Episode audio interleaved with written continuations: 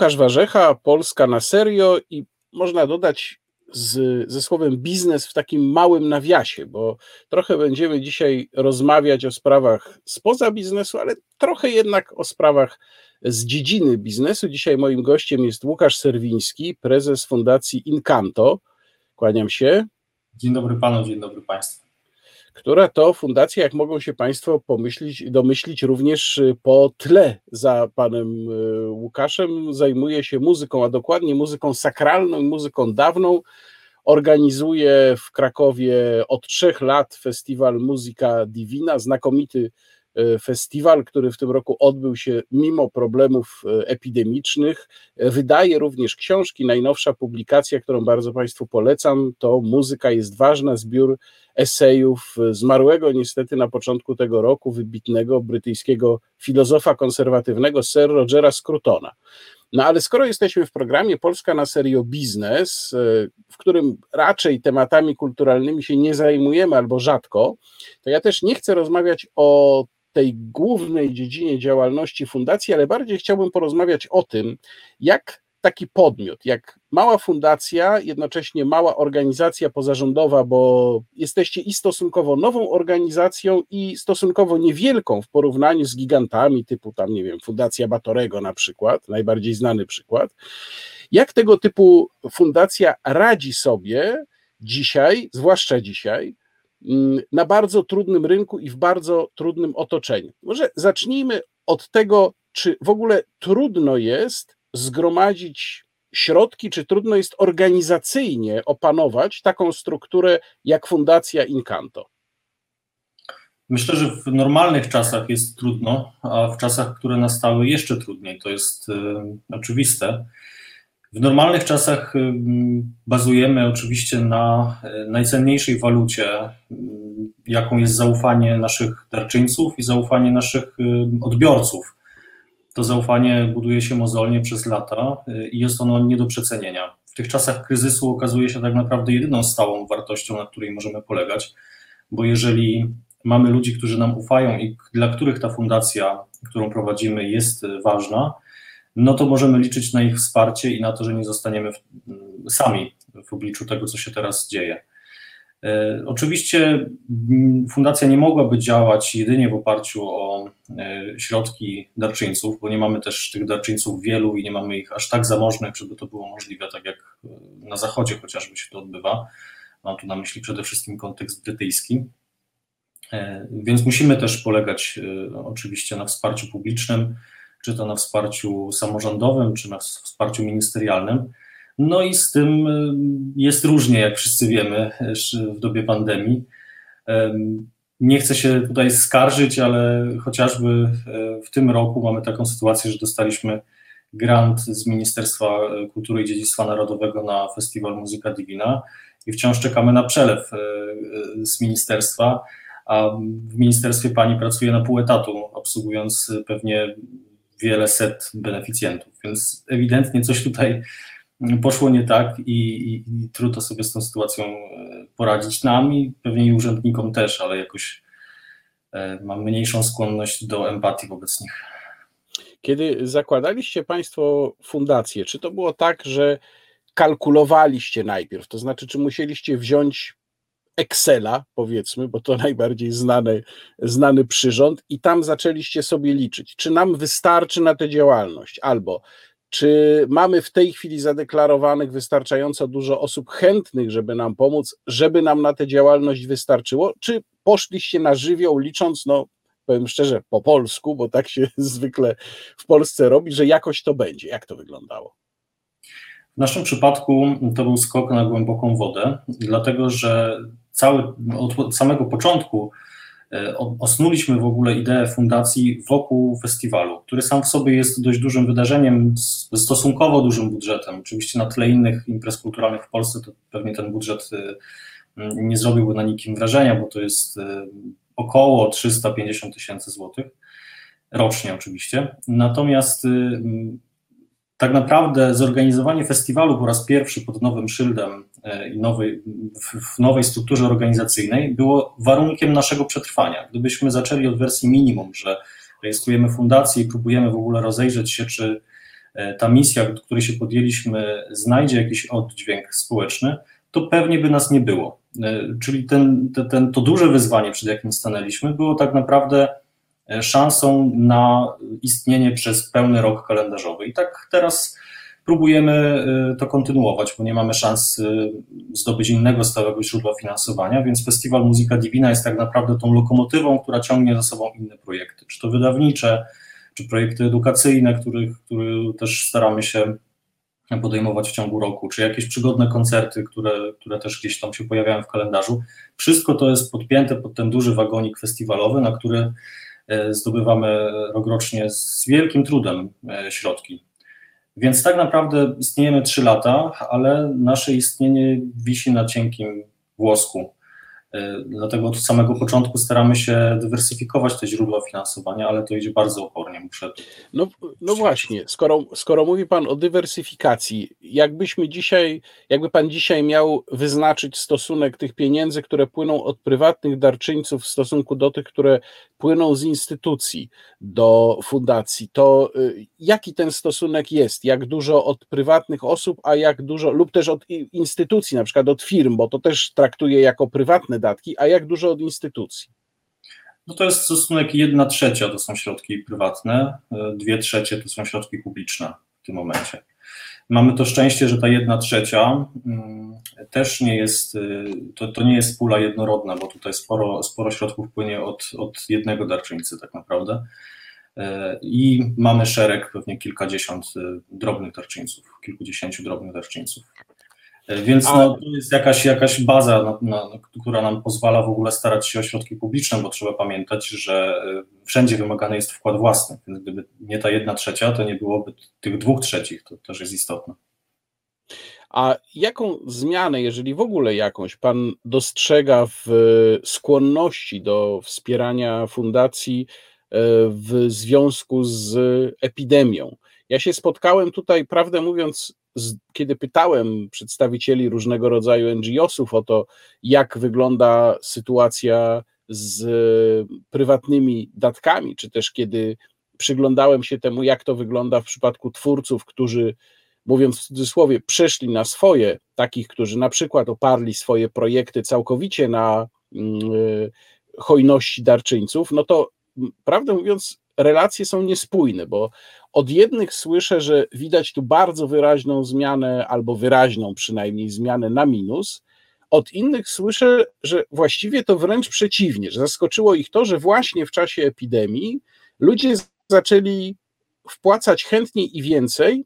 I tutaj hipotezy są, znów hipoteza jest dwojaka, to znaczy pierwsza mm, hipoteza jest taka, że to dlatego, że ludzie się czują niejako zobligowani w tym nieszczęściu, nawet jakim jest ciężko, żeby pomóc mm, organizacjom, które też są w trudnej sytuacji.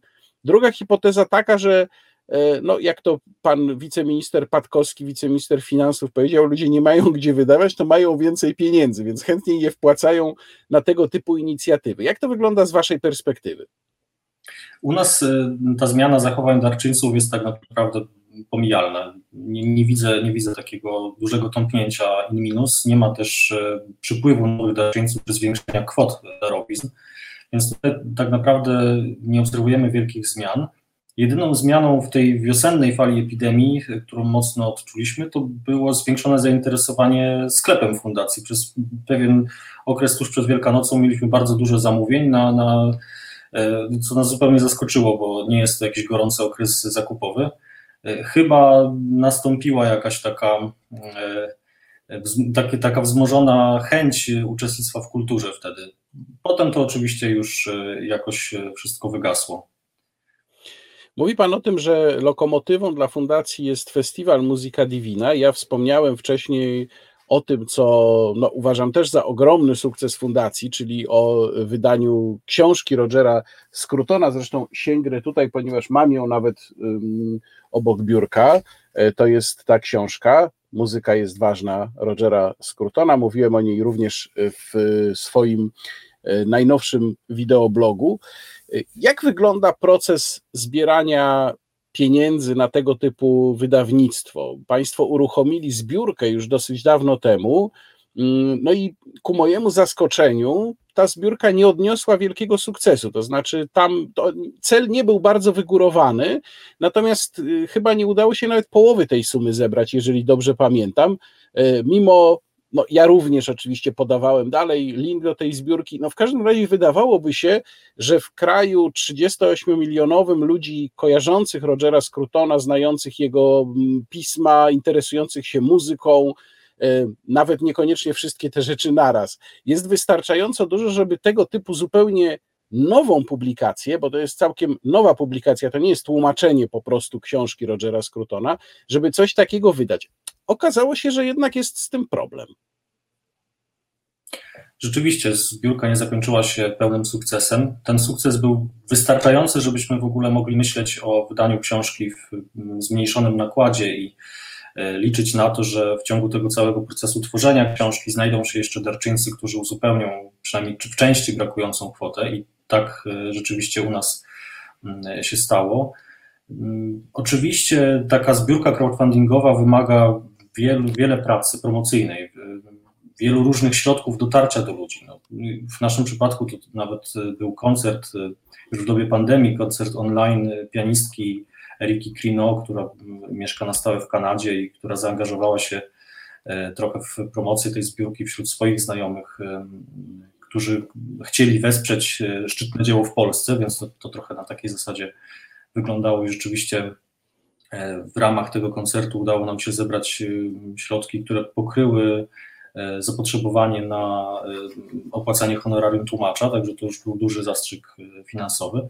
Ale wracając do głównej myśli pańskiego pytania, no to rzeczywiście dla nas to też było zaskoczenie in minus, że postać Rogera Scrutona i e, takie ideowe wydawnictwo e, nie wzbudziło aż takiego zainteresowania i nie rozeszło się chociażby w tym świecie medialnym e, na tyle znacząco, żeby, żeby ta zbiórka nabrała rozgłosu. Oczywiście nie wykluczam błędów po naszej stronie, ale myślę, że jakoś ostrożnie można wyciągnąć y, wnioski, że jako społeczeństwo, jako elita społeczeństwa, bo to trzeba też nazwać po imieniu, nie jesteśmy jeszcze gotowi, czy nie jesteśmy na tyle świadomi, żeby wziąć odpowiedzialność za współtworzenie kultury w taki oddolny sposób. Chyba jesteśmy bardzo przyzwyczajeni do tego, że to, że kultura jest jakoś zarządzana centralnie, a że my jesteśmy tylko biernymi konsumentami. Taki, tak, taki gen, taki odruch y, wsparcia inicjatyw kulturalnych chyba jest jeszcze zbyt mało popularne, żeby można było śmiało planować e, działania w oparciu o crowdfunding. Skoro y, mówi Pan o, o tym, że ludzie sądzą, że kultura jest zarządzana centralnie, tak rzeczywiście zresztą w dużej mierze jest, bo kto trzyma rękę na pieniądzach, no to ten zarządza tym, co za te pieniądze jest y, tworzone. Chciałem Pana zapytać o doświadczenia z funduszami pochodzącymi z instytucji. Jak wygląda taki proces? Tutaj już Pan wspominał o, o dotacji z Ministerstwa Kultury, ale jak wygląda taki proces z punktu widzenia właśnie niedużej fundacji, E, trochę niszowej, kiedy trzeba się postarać o grant i obojętnie, czy to jest grant centralny, czyli z Ministerstwa Kultury, czy to jest e, grant z samorządu wojewódzkiego na przykład, jeżeli o takie Państwo też mm, aplikowali, czy ten proces można określić jako przyjazny, czy on jest stosunkowo łatwy, czy jest przejrzysty? Myślę, że na Tutaj trzeba rozgraniczyć ten etap przygotowania wniosku, bo te wnioski oczywiście są w różnym stopniu skomplikowane. Jedne są prostsze, drugie łatwiejsze. Za każdy ten wniosek trzeba oczywiście dobrze przygotować, szczególnie pod względem finansowym. Natomiast tak naprawdę schody zaczynają się po jego złożeniu i przy próbie analizowania ocen tych wniosków. Dlatego, że mm, mieliśmy taką sytuację, składaliśmy wnioski do, do Narodowego Centrum Kultury od początku istnienia fundacji. W, jakby z konstrukcji całego programu dotacyjnego wynikało, że wraz ze zdobywaniem doświadczenia i pozytywnym rozliczaniem kolejnych e, wniosków o dofinansowanie nasza punktacja powinna rosnąć, tymczasem ona z roku na rok malała. Więc jeśli Pan pyta o przejrzystość, jest dla mnie kompletnie nieprzejrzyste i tak naprawdę po Przepraszam, ale ale tu muszę zapytać, bo to jest bardzo zaskakująca informacja. Czy za, tym, za, tym, za tą spadającą punktacją szło jakiekolwiek wyjaśnienie, dlaczego tak się dzieje? Nie, absolutnie nikt nie wyjaśnia takich decyzji. To są, to są tylko suche tabelki, w których y, łączna ocena y, wniosku jest rozbita na trzy mm, składowe. Wśród tych składowych jest ocena organizacyjna, która no wydaje mi się, że jeżeli funkcjonujemy, funkcjonujemy nie najgorzej i pozytywnie przechodzimy weryfikację kolejnych e, dofinansowań, czyli budujemy pozytywne relacje z partnerem publicznym, no to ona powinna przynajmniej nie spadać. Tymczasem e, rzeczywiście ten trend w naszym przypadku był odwrotny. Konia z rzędem temu, kto e, to rozumie. No, myślę, że takie kryterium jest na tyle obiektywne, że tutaj nie powinno w ogóle być mowy o tym, że to jakiś tam konsultant Narodowego Centrum Kultury w sposób e, bardzo subiektywny wystawia taką ocenę, no bo mamy jakąś historię relacji, mamy jakąś, jakąś historię i instytucji, i, i swojego doświadczenia. Dlaczego po trzy miesiące po zarejestrowaniu nowego podmiotu ta nasza ocena była bliska maksimum, a po trzech latach jest no, mniej niż przeciętna? Nie mam pojęcia. Ale takie rzeczy się zdarzają a e, inne doświadczenia grantowe z innymi instytucjami? Jeśli chodzi o granty samorządowe, to jest zupełnie inna historia, bo ona się opiera mm, bardziej na relacjach międzyludzkich niż na relacjach instytucjonalnych. I tak naprawdę przy ograniczeniu środków budżetowych na kulturę, czy to środków miejskich, jak u nas w przypadku Krakowa, czy środków wojewódzkich, zaryzykowałbym tezę, że bez mm, jakiegoś zdobycia zaufania w tej jednostce samorządu terytorialnego nie ma co myśleć o, o zdobyciu środków finansowych na, na jakieś przedsięwzięcie. To zaufanie pewnie może wypływać w części z e, jakiejś historii, czy to osoby, która stoi za instytucją, czy, czy, czy samej organizacji, ale myślę, że to w wielu przypadkach może nie być wystarczające. Myślę, że polityka samorządowa jest trochę bardziej y, lokalna, z samej definicji to wynika, y, i bardziej nastawiona na wspieranie ludzi niż y, idei.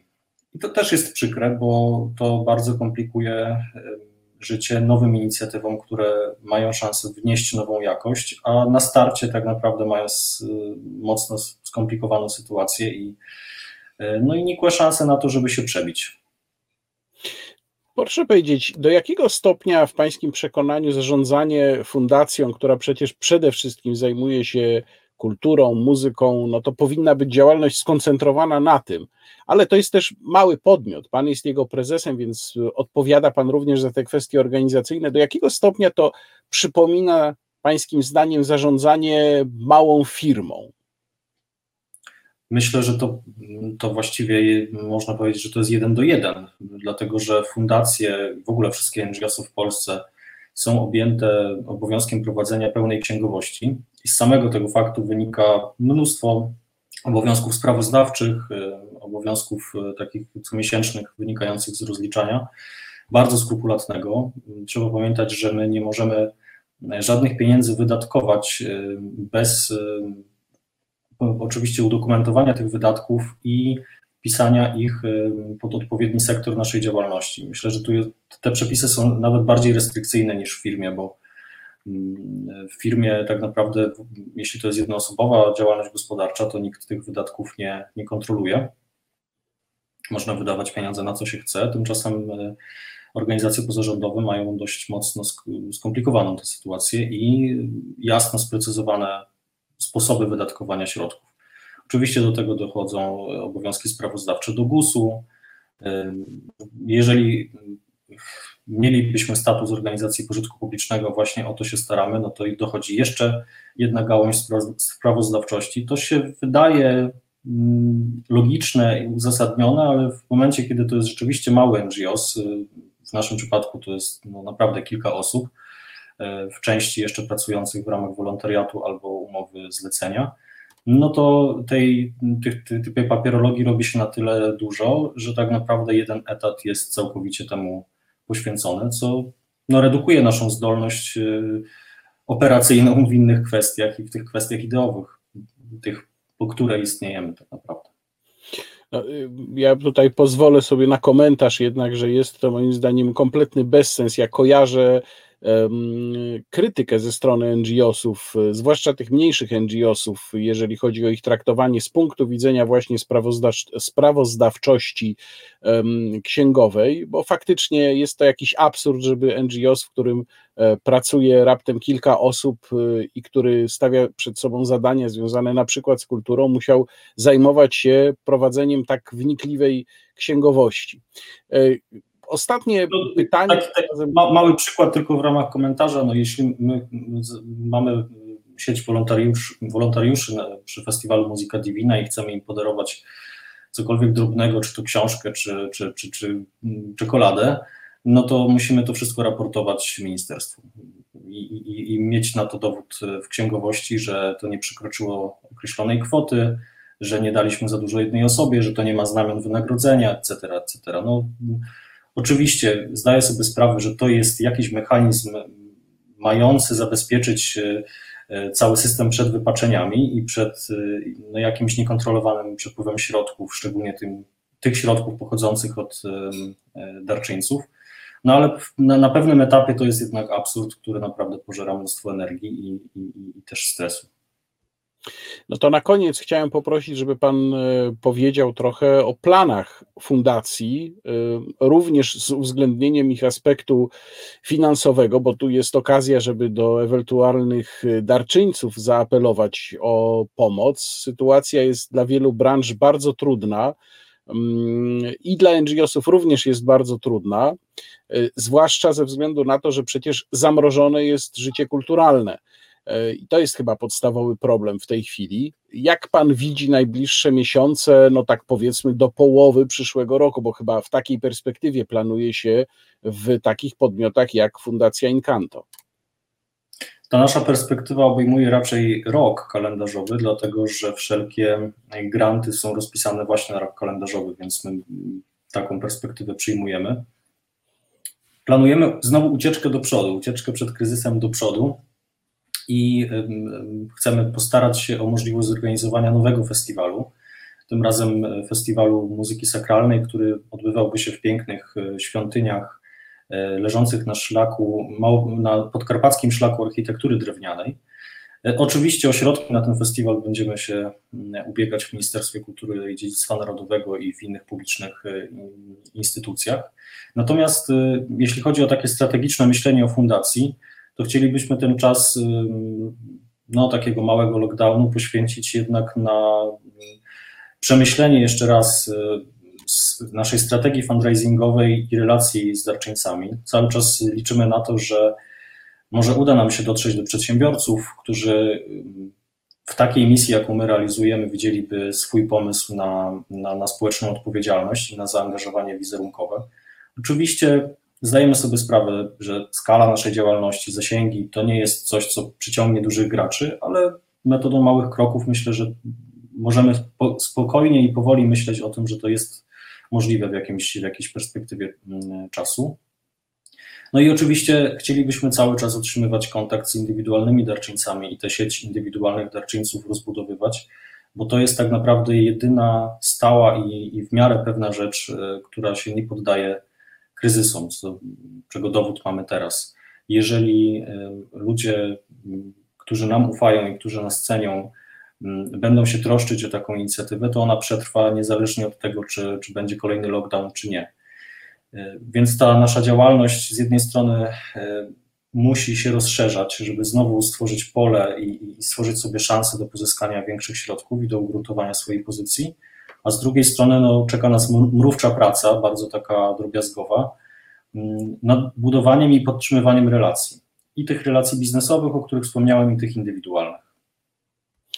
Bardzo dziękuję. Ja jednocześnie apeluję do widzów, a wiem, że są wśród widzów również przedsiębiorcy, żeby rozważyli wsparcie, czy to Fundacji Incanto, czy innej fundacji zajmującej się kulturą, bo jak słusznie mój rozmówca zauważył, z punktu widzenia wizerunkowego może to przynosić ogromne korzyści, nie mówiąc już o korzyściach dla naszego życia kulturalnego. Oczywiście widzów, którzy nie są przedsiębiorcami, również bardzo namawiam do tego, żeby rozważyć takie wsparcie dla dobrych, rzetelnych, pożytecznych inicjatyw. Bardzo dziękuję. Moim gościem w programie Polska na serio i z małym dopiskiem biznes był pan Łukasz Serwiński, prezes Fundacji Incanto. Łukasz Warzecha, kłaniam się Państwu. Do zobaczenia. Do zobaczenia. Dziękuję.